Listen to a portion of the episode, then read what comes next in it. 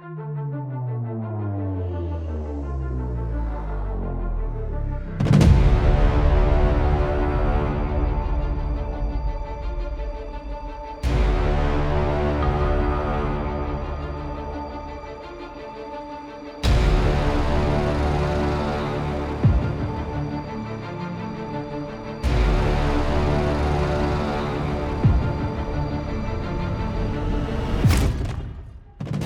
Cześć, witam na moim kanale. Ja mam na imię Piotrek i zapraszam Cię serdecznie do odsłuchania jednego z odcinków mojej audycji pod tytułem Stenogramy zbrodni.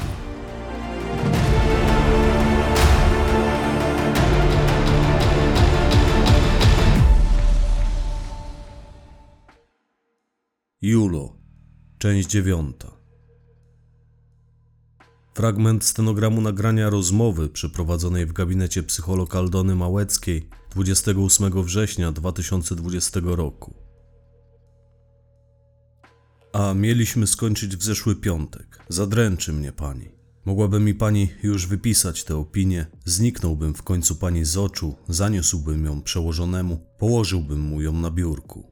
Bez niej nie przywróci mnie do pełnienia obowiązków i doskonale pani o tym wie.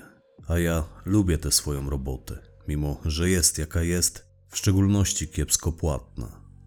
Miałem nadzieję, że w pewnym momencie zanudzę panią tą moją opowieścią i da sobie pani spokój. Powie pani: Dziękuję panu, panie Kędzierski. Kończymy. Oto jest zaświadczenie, że pan u mnie był, że odbył pan ten cykl spotkań. Jednocześnie znajduje się tam pozytywna o pańskim stanie psychicznym opinia do niewidzenia się z panem.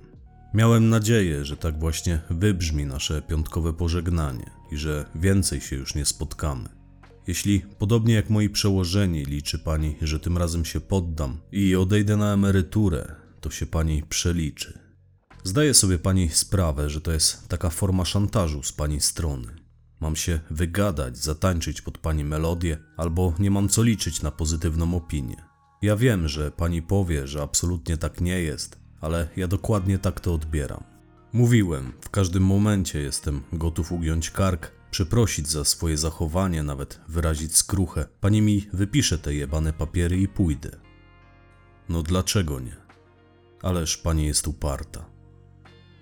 Niech mi pani wierzy, że mało brakowało, bym już tu dzisiaj nie przyszedł. Tylko, że ja każdą sprawę muszę doprowadzić do końca. Rozwlekam się przy tym, rozdrabniam, czasami się gubię. Momentami sam nie wiem, dokąd zabrnąłem i o czym mam mówić dalej, a nawet co powiedziałem do tej pory, ale wszystko, co zacząłem, muszę dowieść do końca. Nawet gdyby miałby to być mój koniec. To kolejne moje natręctwo. Może sobie pani to odnotować w tym swoim kajeciku. Mam to gdzieś. W każdym razie dlatego tu dziś jestem, bo sobie obiecałem, że to skończymy. A rano spaliłem na balkonie kartkę z meldunkiem o przeniesienie w stan spoczynku, którą napisałem w sobotę.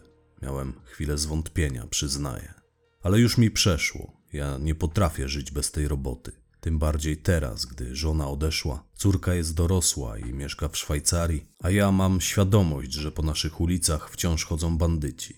Ja zwyczajnie jestem tej formacji potrzebny. W każdym razie czuję się potrzebny, a to jest chyba najważniejsze, nie? Więc oto jestem, by dokończyć to, co zacząłem.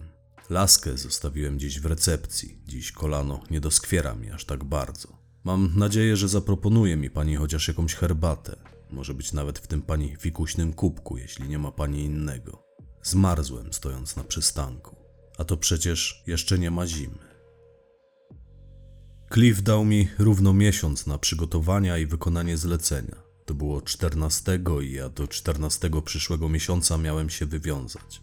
Wręczył mi przy tym pokaźną zaliczkę, co było dość dziwne, bo zwykle oni mi nie płacili. Z reguły było tak, że jechałem sobie do kogoś swoją pensję odebrać.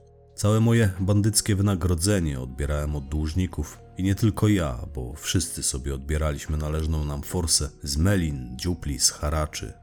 Przywoziliśmy z Leonem jakąś kwotę Cliffowi, czasami było tego kilkaset złotych, bo to się działo już w okresie denominacji, a czasami kilka, a nawet kilkanaście tysięcy. Różnie z tym było. Zależało od dnia. Ja tylko meldowałem, że dzisiaj jest piątek, więc pobrałem swoją tygodniówkę, tyle i tyle. 5% od tego, co przywiozłem. A Cliff zaglądał do swojego notesu, kiwał głową, że okej. Natomiast dzwonko zawsze stroił focha przy wypłacie. On nie mógł przeżyć, że ktoś uszczupla jego budżet, mimo że wiedział, iż nam się ta forsa zwyczajnie należy. Bolało go, jak miał dać komuś kilka tysi do ręki, dosłownie trzęsły mu się dłonie, jak miał komuś zapłacić pieniądze. Więc najczęściej umawialiśmy się z nim na konkretne kwoty za poszczególne zlecenia. Później sobie te kwoty odbieraliśmy z pieniędzy, które przynosiliśmy, żeby go serce nie bolało, by go nie stresować. Ale nie zawsze płacono nam pieniędzmi. Cliff często pytał, czy nie chce tego czy tamtego, bo on się akurat pozbywał jakichś swoich gadżetów, złotego łańcucha, telefonu, zegarka, motocykla czy samochodu i gotów był to komuś oddać w ramach wynagrodzenia. Ale tak, bolało. Dzwonko zawsze bolało, jak miał płacić żywą gotówką. Wolał zapłacić w naturze. Nie raz i nie dwa pytał mnie, czy nie chce sobie odebrać części należności w ten sposób, w sensie w jednym z jego przybytków. Pamiętam, jak negocjując z nami wysokość i formę zapłaty, spytał kiedyś o to samo Janeczka, a ten, siedząc przy barze, odwrócił się ku swojemu bosowi, odrzekł: Z całym szacunkiem, szefie, ale ni cholery. Chociaż raz poczuć zapach gotówki. Wypalił tak przy wszystkich, ci w milczeniu przenieśli wzrok na dzwonko, co najwidoczniej podziałało na niego, bo ten posłał jednego z ludzi do pokoju na piętro, tamten po chwili przyniósł worek, dosłownie worek pieniędzy. Może nie jakoś specjalnie wypchany, ale faktem było, że to był worek policzonych i poszczepianych gumkami banknotów, w dużej mierze amerykańskich dolarów i niemieckich marek.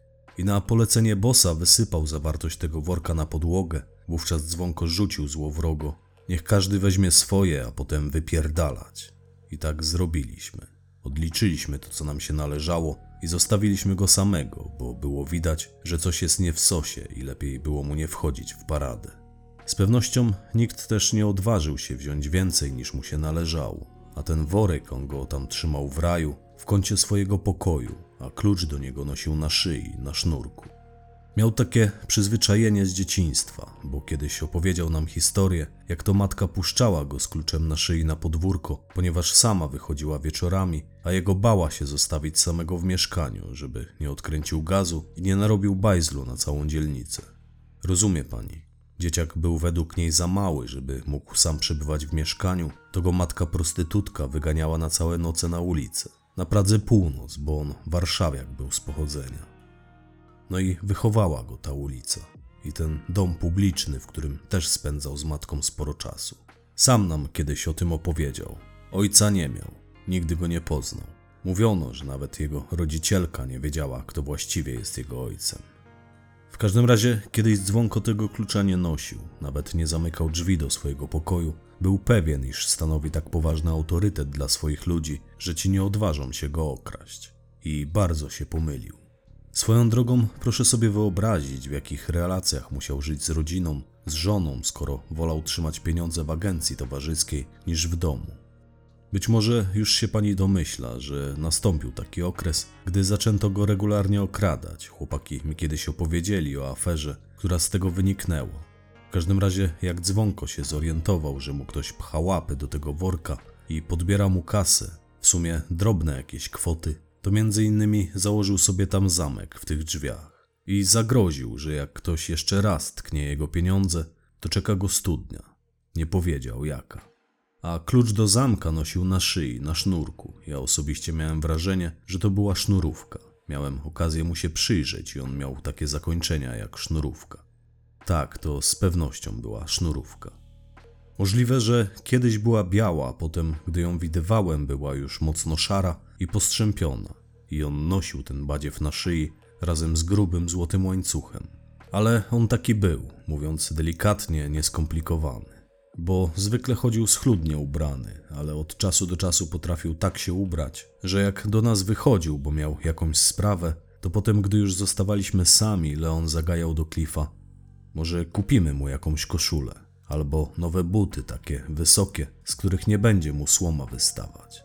A zawsze elegancko ubrany i przystrzyżony Cliff uśmiechał się tylko pod nosem i machał na to ręką, bo on z reguły na wszystko machał ręką, zwłaszcza od momentu, gdy te jachty zaczął kupować, gdy sobie te żagle wkręcił do głowy. Wmówił sobie, że zostanie wilkiem morskim. Przynajmniej kilkanaście razy był w Grecji, w Turcji, próbował tam swoich sił w żeglarstwie morskim. Wiem też, że miał chrapę na udział w jakichś regatach, ale to najzwyczajniej w świecie nie są tanie rzeczy. Jak usłyszał, ile to pieniędzy kosztuje, jakie tam się płaci wpisowe, a tym bardziej jakie trzeba mieć umiejętności, to sobie odpuścił.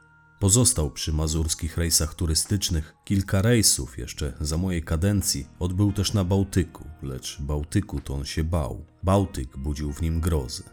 To był człowiek, który bał się chyba tylko tego, naszego morza. Czasami jak sobie więcej wypił, to wspominał te swoje rejsy i żenił nam przypowieść o tym, że Bałtyk to wredna i bezlitosna kurwa, a przy tym najpiękniejsza i najmilsza jego sercu. Tak mówił Cliff, wilk morski z niewielkim doświadczeniem i kupionym patentem, bo nie było dla nikogo tajemnicą, że nawet nie podszedł do egzaminu. Sam się nam kiedyś pochwalił, że kupił patent, tak jak wcześniej prawko na motocykl i potem na samochód, jak jacht, jak miłość żony sobie kupił i całą resztę. Tylko pieniądze odgrywały w jego życiu jakąkolwiek rolę i drogie gadżety, którymi się otaczał. No i możliwe, że te żagle trochę lubił, może faktycznie uwielbiał żeglować, ale reszta mu zwisała, jego rodzina, dzwonko, my. Do mnie szybko dotarło, że tylko pieniądz się dla niego liczy i rozrywka. Jak popił w zaufanym gronie, to wychodziła z niego zazdrość. Mawiał pół żartem, pół serio i to przy dzwonko nawet, że kiedyś wejdzie do jego gabinetu i mu sprzątnie ten worek. A raczej worki, bo on mówił worki. I najpewniej wiedział, co mówi. Kto jak kto, ale on akurat wiedział doskonale, kto z kim i kto ile ma. A dzwonko z pewnością miał tyle, że nie upchnąłby tego w jednym worku. Te grosze, które potem u niego zabezpieczono na poczet rekompensaty dla skarbu państwa, to był śmiech na sali. Cała jego forsa w większości gdzieś wyparowała. Ale już nie moja w tym głowa. Niech się martwi skarb państwa. Ja osobiście podejrzewam dziewczyny z raju, że to one mu sprzątnęły tę forsę, gdy rozeszła się fama, że został zatrzymany. One też żyły tylko pieniędzmi, biżuterią i dramą, bo one dodatkowo uwielbiały jeszcze kręcić dramy i drapać się potem między sobą jak koty. Ciągle któraś chodziła z podrapaną twarzą, bo to nie oddała koleżance jakichś pieniędzy, nie podzieliła się z nią narkotykami albo skradła jej klienta. Kiedy zaczęły do mnie docierać plotki, że z tą niby spałem, z tamtą też, a tej to niby obiecałem nawet ślub, co oczywiście było nieprawdą, bo ja zapatrzony byłem wtedy już tylko w pewną ratowniczkę pogotowia, moją przyszłą żonę. Więc kiedy zaczęły do mnie docierać podobne plotki, to dałem sobie spokój z tym towarzystwem. Trzymałem się od dziewczyn z daleka. Tym bardziej, że Ećka mi to zaleciła. Szturchnęła mnie kiedyś boleśnie na imprezie, powiedziała: Łapy precz od moich dziewczyn, Glino. Nie wysługuj się nimi, nawet na nie nie patrz, bo jak twój plan nie wypali, to one również zbiorą za ciebie cięgi. Tak ona naprawdę o nie dbała, wręcz matkowała im. Więc gdy doszedłem do wniosku, że dziewczyny niewiele wiedzą o sprawach, na których rozpracowaniu szczególnie mi zależało, zwyczajnie dałem im spokój. Tylko, że mój wniosek był błędny. One zazwyczaj wiedziały o wszystkim. Gangsterzy, których owinęły sobie wokół palca, mówili im więcej niż komukolwiek innemu. Tyle, że one potrafiły trzymać język za zębami. To zresztą jeden z głównych elementów ich profesji, jeden z warunków bycia pożądaną prostytutką. Sorry, Julo, ale dyskrecja to moje drugie imię. Tak mawiała Justa, gdy próbowałem wydobyć z niej jakieś informacje. Zwłaszcza po tej akcji ze zdekonspirowaniem mnie przez gliniarza idiotę. Od tamtej pory większość ludzi z tego otoczenia trzymała się ode mnie z daleka. Na szczęście nie miało to wpływu na moją misję. Cliff, zleciwszy mi zabójstwo, dał mi to, czego potrzebowaliśmy, byśmy mogli ich wszystkich zacząć w końcu wsadzać do pierdla. Człowiekiem, którego zabójstwa miałem dokonać, był mężczyzna o pseudonimie Jastrząb. Facet nosił taką ksywę, bo miał na nazwisko Jastrzębski, to był Jarek Jastrzębski. Był Polakiem, wychował się i dorastał co prawda na Ukrainie, ale potem wrócił do Polski, zamieszkał pod Rzeszowem, na wsi, w domu swojej babci. Potem, gdy ona zmarła, na miejscu jej domu postawił sobie piękną drewnianą willę. Z Ukrainy przywiózł trochę forsy i trochę broni i na samym początku swojej bandyckiej działalności w Polsce pracował chwilę dla Cliffa, który podziwiał ludzi za wschodniej granicy za ich zaangażowanie w brudną robotę. Oni zwykle nie mieli oporów, by się przebranżowić i porzuciwszy brudną robotę, zająć się mokrą. Lecz Cliff mnie wtedy okłamał, mówiąc, że mam jastrzębia zlikwidować na polecenie dzwonko, bo rzekomo to on stał za akcją demolki w piekle. Kiedyś była taka sytuacja, gdy do piekła wjechała ekipa gangusów i kiboli. Pobili tam wówczas ochronę, sponiewierali dziewczyny, zdemolowali trochę lokal, w tym porozbijali kijami automaty do gry, które tam stały. Dziesięć zupełnie nowych automatów. A one robiły naprawdę niebotyczne pieniądze, więc za ich zniszczenie dzwonko zażyczył sobie masakry. Cliff potem przez jakiś czas faktycznie szukał winnych, jeździliśmy z nim na różne rozkminki, kilka osób niesłusznie dostało za to sowity oklep, lecz nie mogąc trafić na trop prawdziwych sprawców, a jednocześnie by nie podpaść pewnie bossowi, Cliff wskazał winnego i polecił mi się go pozbyć. Stąd o tym wiem, bo Jastrząb został potem świadkiem i zeznawał przeciwko tej grupie. Miał nadzieję, że złagodzi mu to karę, ale miał również na sumieniu ludzką duszę, więc w jego przypadku nie mogło być łagodniejszej kary. Dostał 25 lat i tak sporo zyskał. Zyskał przecież życie. Już mówię o co chodzi. Cliff zlecił mi zabójstwo Jastrzębskiego, niby w zemście za demolkę automatów, lecz w rzeczywistości chciał się pozbyć człowieka, który zbyt wiele o nim wiedział, a potem stał się jego wrogiem, by jednocześnie samemu obrastać legendą. Stąd tyle porachunków w szeregach różnych grup przestępczych. Bandyci często starają się zlikwidować tych, którzy zbyt wiele wiedzą, zbyt wiele zaczynają znaczyć, nawet jeśli byli to ich przyjaciele. Nie było dla mnie tajemnicą, że prędzej czy później ktoś otrzymałby w kopercie również moje zdjęcie, tak jak ja otrzymałem zdjęcie i adres Jastrzębskiego. W zaklejonej przez Cliffa kopercie znajdowała się na niej jego ślina. Ten fakt udowodniono potem przed sądem. Potrzebne były kosztowne badania genetyczne wykonane w Niemczech, ale to było ważne procesowo i sąd się na to zgodził. Sądy zgadzały się wtedy na wszystko, byle tylko powstrzymać narastającą falę przemocy. Niestety nie udało mi się nagrać zlecenia tego zabójstwa. Zbyszek zrezygnował z założenia mi podsłuchu, uznawszy, że to zbyt ryzykowne. Poza tym on nie lubił podsłuchów, za dużo z tym było kłopotu. Lecz jak się potem okazało, nie było mi to nagranie do niczego potrzebne. Zyskaliśmy coś znacznie cenniejszego, pozyskaliśmy osobowe źródło informacji, świadka, który dowiedziawszy się od nas, że ekipa dzwonko wydała na niego wyrok, zgodził się przeciwko nim zeznawać. A ten osobnik wiedział naprawdę sporo. Przede wszystkim podczas kolejnych jego przesłuchań okazało się, że wie coś o sprawie, która najbardziej nas nurtowała, że wie o niej bardzo dużo. My zwyczajnie pojechaliśmy ze Zbyszkiem do tego jastrzębia. Powiedzieliśmy mu, że figuruje u dzwonko na czarnej liście, że już poszło weter zapotrzebowanie na jego zgon i że killer też już został wyznaczony, a co więcej wziął już nawet zaliczkę. I Jastrzębski się przestraszył. Miał świadomość, że jeśli ma wyzionąć ducha, to prędzej czy później tak się stanie. Wiedział, że nie ma takiego miejsca, w którym mógłby się ukryć przed siepaczami Cliffa, a tym bardziej z rodziną, bo miał żonę i trójkę dzieci, które jak twierdził kochał i zależało mu na ich bezpieczeństwie. To akurat typowe dla wielu bandytów. Potrafią wydać na kogoś wyrok, trzymając niemowlę na rękach. Więc Jastrzębski po lekkich perturbacjach zgodził się pójść z nami na współpracę i my go ukryliśmy. Zwyczajnie wzięliśmy go pod skrzydła. Miał pozostawać w ukryciu do momentu postawienia najważniejszych członków tej ekipy przed sądem, tak żeby ani jemu, ani członkom jego rodziny nie stała się żadna krzywda. Doskonale pamiętam, jak to wszystko zainscenizowaliśmy, to znaczy, jak jego śmierć zainscenizowaliśmy. Ja go rzekomo zastrzeliłem w nocy na ulicy pod jego willą na wsi. Nawet byłem i strzelałem tam wtedy, żeby dźwięk strzelaniny rozszedł się po okolicy, a także by zostawić tam ślady opon samochodowych, rozlać na chodniku trochę bydlęcej krwi, podrzucić telefon Jastrzębia i jego buty.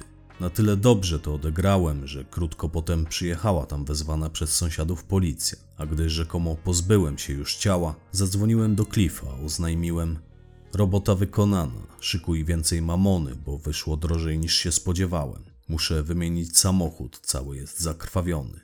I Cliff powiedział: Spoko, przyjedź do raju i dogadamy temat. A chwilę później znów do mnie oddzwonił, z innego numeru. Pytam, czego? I słyszę jego głos. Powiedział: Mogę ci dać swoje BMW w ramach zapłaty, a poza tym dzwonko życzy sobie zobaczyć zwłoki. Więc ja zaskoczony mówię: nie mam zwłok, mam tylko ich zdjęcia, tak jak się umówiliśmy. A on mi na to: Życzymy sobie zobaczyć zwłoki, najpóźniej jutro, i się rozłączył. I wiedząc, że to wszystko lipa, że ja tych zwłok przecież mu nie pokażę, zacząłem się niepokoić. Jeszcze wtedy nie wiedziałem, że to wyłącznie Cliff chciał je zobaczyć i że dzwonko nie miał z tym zleceniem nic wspólnego. On dawno zapomniał o tej demolce w piekle. Zdążył odrobić sobie straty z nawiązką. Jeszcze raz zadzwoniłem wtedy do Cliffa. Skąd ja ci teraz zwłoki wezmę, skoro one trafiły na dno zalewu solińskiego w worku pełnym kamieni? spytałem. A on odrzekł: Chuj mnie to obchodzi, możesz tam zanurkować. Masz mi dostarczyć niepodważalny dowód śmierci tego śmiecia i koniec. I tak siedzę dzień później, rozmawiam ze Zbychem w jego internacie. Ten na dłuższą chwilę się zamyślił, nieoczekiwanie zerwał się potem z krzesła, wygrzebał z leżącej na stole teczki jakieś zdjęcie, dał mi je, mówi: Oblukaj, jastrząb ma na dłoni tatuaż. Bo on faktycznie miał tatuaż, miał krzyż celtycki na dłoni wydzierany na zewnętrznej stronie lewej dłoni. I Zbychu wcisnął mi do koszuli kurtki tę fotografię, podnosząc z krzesła swoją kurtkę, powiedział: Eureka, skurwysyny, dawaj Julo, jedziemy. I ruszył w kierunku wyjścia. Dopiero w aucie spytałem, dokąd jedziemy. Zbyszek spojrzał na mnie, uśmiechnął się szyderczo, odparł, że ma znajomego tatuażystę, więc uznałem, że jedziemy do salonu tatuażu. Tylko wciąż nie miałem pojęcia po co. Myślałem, że jedziemy coś skonsultować. Ale się pomyliłem. Pojechaliśmy wtedy aż do Warszawy, do przyszpitalnej kostnicy. Tam Zbychu wszedł do gabinetu dyrektora, dość długo z nim rozmawiał. Później obaj wyszli do mnie na korytarz, bo mnie polecił czekać przed gabinetem. Powiedział do mnie: chodź z nami. I poszliśmy. Zeszliśmy do podziemi, gdzie mieściła się chłodnia, w której przechowywano zwłoki. Ten dyrektor porozmawiał ze swoim pracownikiem, który tam się krzątał, wysłał go dokądś, a sam wrócił do nas ubrany w fartuch. Ten fartuch wyglądał jakby należał do rzeźnika, bo cały był ufajdany krwią. Zbyszek był z tym człowiekiem na ty, odniosłem wrażenie, że długo się znają. Nie wiedziałem wtedy, że to byli kuzyni. Dyrektor otworzył lodówkę, wyjechał stamtąd metalową platformą, podniósł brudne prześcieradło, powiedział jakby sam do siebie: Nie, ten nie, za stary. Potem drugą platformą wyjechał, zerknął na karteczkę, która była zawieszona na palcu denatki, powiedział: Nie, to kobieta. I trzecią platformą wyjechał, spojrzał na podobną karteczkę, zdjął ze zwłok prześcieradło, chwycił i gwałtownie szarpnął, a także uniósł rękę denata, aż tak nieprzyjemnie chrupnęło, bo to jego ciało było sztywne, zmrożone, a on trzymając martwą rękę w górze, tak by było widać ją w świetle zawieszonej pod sufitem lampy, spytał Zbycha: Ta może być? I Zbychu wyjął z kieszeni czarne etui z okularami, przetarł je chusteczką, wolno je założył, przyjrzał się tej ręce, odparł: Tak, idealna. Wtedy dyrektor tego przybytku znowu dokądś poszedł, wrócił po chwili z plastikową przyłbicą na głowie, trzymając w ręce piłę, a do mnie dotarło, co się tam właściwie odpierdala.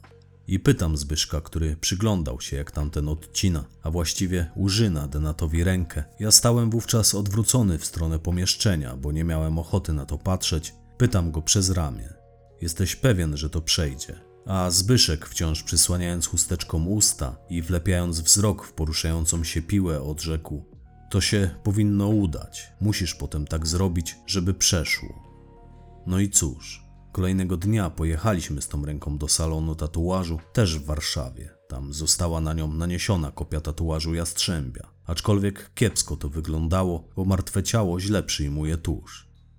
Pamiętam, że tatuażysta już po tym jak opanował odruch wymiotny, długo starał się odwzorować to, co widniało na fotografii, de facto ten celtycki krzyż. On nie był jakiś skomplikowany, ale to średnio wyszło. Mówię do Zbyszka, no efekt końcowy mnie nie powala.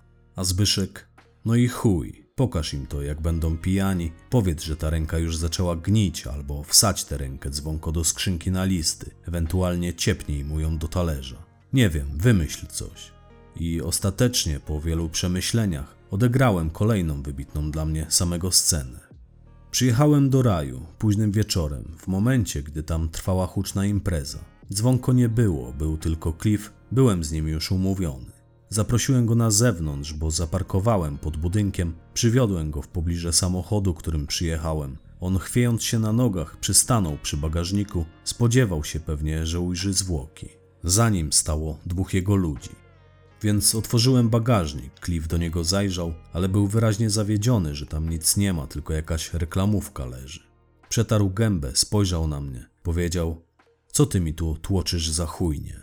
A ja podałem mu latarkę, odparłem: Spokojna twoja rozczochrana, zajrzyj do środka. I on rozwarł tę reklamówkę, poświecił do środka. Najpewniej od razu ujrzał to, czego ujrzeć nie chciał, bo gwałtownie odskoczył, rozdziawiając przy tym gębę. Oddając mi latarkę, powiedział: Kurwa, pojebało cię? A ja, oznajmiwszy, że mnie nie pojebało, podałem tę reklamówkę jednemu z jego ludzi, akurat Leonowi, bo ten stał najbliżej. A Leon z wymalowanym na twarzy obrzydzeniem niósł ją przed sobą, jakby wiedział, co tam jest, aczkolwiek z pewnością nie wiedział. Mógł się ewentualnie domyślać. Tak mi się przynajmniej wtedy wydawało. Cliff powiedział jeszcze: A co ta ręka taka mokra? Więc odparłem: No jak co? Przecież z wody była wyjęta. A ona widocznie lekko się pociła, bo wciąż odmarzała. I on pokiwał potakująco głową, bo zwyczajnie w to uwierzył. No nie był zbyt bystry. Do tego mocno był pijany. Spodziewałem się, że kolejnego dnia nawet nie będzie pamiętał, co widział, i to był główny powód, dla którego w ogóle zdecydowałem się na tę akcję. A kiedy Leon wrzucił tę reklamówkę do stojącego pod wysokim ogrodzeniem metalowego kontenera na śmieci, a Cliff przestał już nerwowo pluć, bo najwidoczniej dostał ślinotoku na widok ludzkiego truchła, powiedział: Zadanie uważam za wykonane. Chodź, należy ci się jakaś premia. Potem odwrócił się do swoich ludzi, dodał: Widzicie? Czyli jednak można, a wy się migacie nawet dać komuś po gębie. Nie wiem, co miał wtedy na myśli, ale musiały się między nimi rodzić już wówczas jakieś niesnaski. I potem weszliśmy na teren raju, tam Cliff postawił mi kilka kolejek przy barze, dał mi nawet obiecaną premię. To był spory złoty sygnet, który również pochodził z przestępstwa. Kolejny fant, który powędrował do Zbyszka. A Zbyszek jeszcze tego samego wieczora opróżniał ten śmietnik, przybrany za pracownika służb, wydobył oczywiście stamtąd tę reklamówkę. Akcja początkowo wydawała mi się straceńcza, ale wszystko udało się na tip-top. Tam w tych krzakach za nami, gdy spotkałem się z Cliffem Podrajem, krył się cały pluton antyterrorystów, w razie gdyby groziło mi jakieś niebezpieczeństwo. Mam nadzieję, że w pani świadomości rysuje się coraz wyraźniejszy obraz tego, do czego zdolny był Jedlina, by doprowadzić to zadanie do końca. To był człowiek bezkompromisowy. Dla mnie w wielu kwestiach stanowił niepodważalny autorytet. Wiele się od niego nauczyłem. Przede wszystkim tego, że w pracy policjanta ograniczała mnie tylko wyobraźnia. Oczywiście czasy były inne. Dzisiaj taki numer z ręką nie miałby prawa bytu, ale takie właśnie były szalone lata dziewięćdziesiąte. By móc przechytrzyć bandytów, musieliśmy działać brutalniej i bardziej zdecydowanie niż oni. Spytałem kiedyś Zbycha, czyja to była ręka. Wyznał mi, że należała do jakiegoś mężczyzny, który zginął w wypadku motocyklowym i że po procesie trafiła do spalarni, bo on sam został już pochowany. Teraz przypomniało mi się jeszcze, że w momencie, gdy Zbyszek wyjął tę rękę z wiaderka w tym salonie tatuażu, my ją tam dostarczyliśmy w wiaderko obłożoną lodem, on to wiadro postawił przed tatuażystą jak kelner, który stawia przed klientami wiaderko z szampanem, Tatuażysta, gdy już zajrzał do jego wnętrza, najpierw chwilę mu zajęło, by opanować odruch wymiotny, a potem spojrzał na Zbycha jak na szaleńca, popukał się w głowę, ostatecznie jednak zgodził się i zażyczył sobie za tę usługę kwotę, która podatników ścięłaby z nóg, bo to oczywiście podatnicy zapłacili za ten tatuaż. Facet zażądał bajońskiej sumy, a Zbyszkowi nawet powieka nie drgnęła. Odparł: Dobra, zróbmy to. I zrobiliśmy. Mówię, Zbychu był niedościgniony w walce z przestępczością zorganizowaną, głównie ze względu na metody, których się imał. To on mi wtedy powiedział: Nie ma granic, Julo, to jest wojna. Ktoś umarł, żeby ktoś mógł żyć. Wie pani, jak udało nam się nakłonić Jastrzębskiego do współpracy i złożenia zeznań? Po prostu należało mu uzmysłowić, że on się już z tego nie wywinie. To znaczy, musieliśmy dać mu do zrozumienia, że prędzej czy później i tak dosięgną go kule zabójcy, albo odłamki powstałe w wyniku eksplozji bomby. One też były wtedy w modzie. Nie wiem, czy pani ma tego świadomość, raczej nie, ale w Polsce eksplodowała wtedy średnio jedna bomba co trzy dni. To już był okres zaciętych mafijnych porachunków. Od razu zaznaczam, że to, o czym teraz powiem, to też był Zbyszka pomysł. Wspominałem już, że pojechaliśmy do Jastrzębia z zamiarem nakłonienia go do współpracy, lecz my nie zrobiliśmy tego za dnia, ale w nocy, równo o drugiej zakradliśmy się na jego posesję, włamaliśmy się do jego domu, to akurat nie było szczególnie trudne, bo ja byłem szkolony na złodzieja i włamywacza, a tam było uchylone okno balkonowe prowadzące z salonu do ogrodu. Żadnego alarmu nie było, żadnego psa. Widocznie jastrząb uważał, że nie potrzebuje ochrony. Mylił się, co tym bardziej spotęgowało później jego strach. Weszliśmy z Jedliną na piętro do sypialni. Schody trochę skrzypiały, ale szliśmy wolno, stawiając stopy na ich krańcach, tam gdzie drewniane schody skrzypią najmniej. Takie tam złodziejskie tematy, nieważne. Jastrzębski spał wtedy w jednym łóżku z żoną, dwójka ich dzieci spała w sąsiednim pokoju. Zbyszek podszedł do tego łóżka, obaj byliśmy w kominiarkach. On wyciągnął z zapaska pistolet, przystawił go śpiącemu jastrzębiowi do twarzy, mocno go dociskając. Bardzo mocno, bo jak ten potem z nami rozmawiał, to z rozciętej dolnej wargi spływała mu krew. I Jastrzębski, obudziwszy się, dostrzegłszy, że stoi nad nim zamaskowana postać trzymająca pistolet, on zesikał się w piżamę. A Zbychu, jak już żona Jastrzębia, która też zaraz się obudziła, jak już przestała panicznie krzyczeć, bo on w końcu nakazał jej się zamknąć, zaraz jak pozwoliliśmy też ich dzieciom, które tam w panice przybiegły do pokoju rodziców, zapaliliśmy światło, pozwoliliśmy tym dzieciom podejść do rodziców, Zbyszek zdjął kominiarkę, ja oczywiście nie. On wyjął policyjną blachę, pokazał ją, powiedział do figuranta: Chcesz żyć, to musimy pogadać. I on się chwilę wahał, ale żona brutalnie szturchnęła go w ramię, rzuciła: No idź, durniu, i poszedł z nami pogadać. To znaczy ze Zbyszkiem, bo ja się nie odzywałem. A potem przystąpiliśmy do akcji z jego upozorowanym zabójstwem i z tą ręką. Dwie lokalne gazety opisały zamach na niego, że prawdopodobnie został z ulicy porwany ranny i zamordowany potem w jakimś ustronnym miejscu. Na naszą prośbę oczywiście pojawiły się te artykuły w gazetach. Musieliśmy się uwiarygadniać na wszelkie możliwe sposoby. Zapadło mi w pamięć, jak Jastrząb się przyznał, że zabił dla Cliffa, mimo że działał na własny rachunek. Cliff mu jednak zapłacił więcej za pociągnięcie za cyngiel, niż on sam byłby w stanie zarobić przez cały kwartał. I był potem przesłuchiwany, zeznawał na protokół w obecności adwokata i prokuratora. My staliśmy ze Zbyszkiem w komendzie za lustrem weneckim. My ich widzieliśmy, oni nas nie. Na pytanie prokuratora, kogo pan zabił i gdzie ukrył pan zwłoki, Jastrzębski odpowiedział: Zastrzeliłem mężczyznę, takiego a takiego. Broń otrzymałem od zleceniodawcy, a zwłoki ofiary ukryłem w studni. Prokurator go pyta, co to za studnia. Jest taka studnia, do której rzuciłem jego zwłoki, to znaczy była, bo jej już nie ma. Odpowiedział jastrząb, po czym dodał: To jest taki masowy grób. Spojrzeliśmy wtedy na siebie ze Zbyszkiem, myśląc chyba o tym samym. Zbyszek oddał mi swój kubek z kawą, a sam poleciał tam do sali przesłuchań, bo motyw tej studni przewinął nam się po raz kolejny i chcieliśmy wiedzieć, o co do cholery chodzi. Zbyszek wszedł do sali przesłuchań, mówi: Kto leży w tej studni? Jakiej studni i gdzie ona jest? A jastrząb rzecze: No ten jubiler, którego zastrzeliłem na polecenie Cliffa. I kto jeszcze tam spoczywa? dopytał Jedlina. A jastrząb: Nie wiem, czyje zwłoki jeszcze tam leżą, ale tam wcześniej leżało już kilka ciał, bo ja tam zajrzałem i wewnątrz z pewnością było więcej niż jedno ciało. Więcej chyba nawet niż dwa. Okazało się, że studnia, o której mówił Jastrzębski, mieściła się praktycznie w centrum jednej z podrzeszowskich wsi, w rodzinnej wsi Klifa. On się w tej miejscowości wychował, stąd też zapewne wiedział o jej istnieniu i wskazał ją Jastrzębskiemu jako pewne miejsce do pozbycia się zwłok. Musieliśmy rozebrać tam część chodnika, bo w przeszłości to miejsce było ogólnodostępne. Mieszkańcy wsi czerpali stamtąd wodę. Potem studnia długo stała nieczynna, aż w końcu gmina wybudowała tam nową drogę. Studnię zlikwidowano, zasypano, zamurowano i przykryto chodnikiem.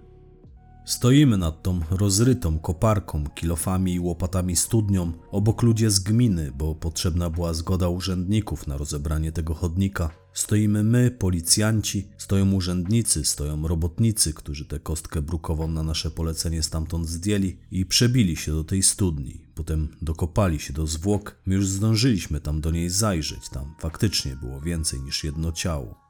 Stoimy tam nad tą dziurą w chodniku, znajoma nam już prokurator prowadzi wizję lokalną, za nią krząta się operator kamery. Jedlina pyta zakutego w łańcuchy jastrzębia, jeszcze raz powiedz, kto ci powiedział o tym miejscu, kto ci powiedział, że możesz pozbyć się tutaj zwłok. A on po raz kolejny odparł, no jak to kto? Cliff, to znaczy Konrad L. Mówił, że on sam z tej studni korzysta, że to miejsce pewne i bezpieczne. Tylko, że jeszcze dwa lata temu to inaczej wyglądało. To była taka nadmurówka, normalnie metalowa studnia na tym stała, można było sobie wody napompować. Nie metalowa, tylko żeliwna, wtrącił mu się jedlina. Studnie odlewa się z żeliwa, dodał poirytowany i odszedł na bok, by zapalić papierosa.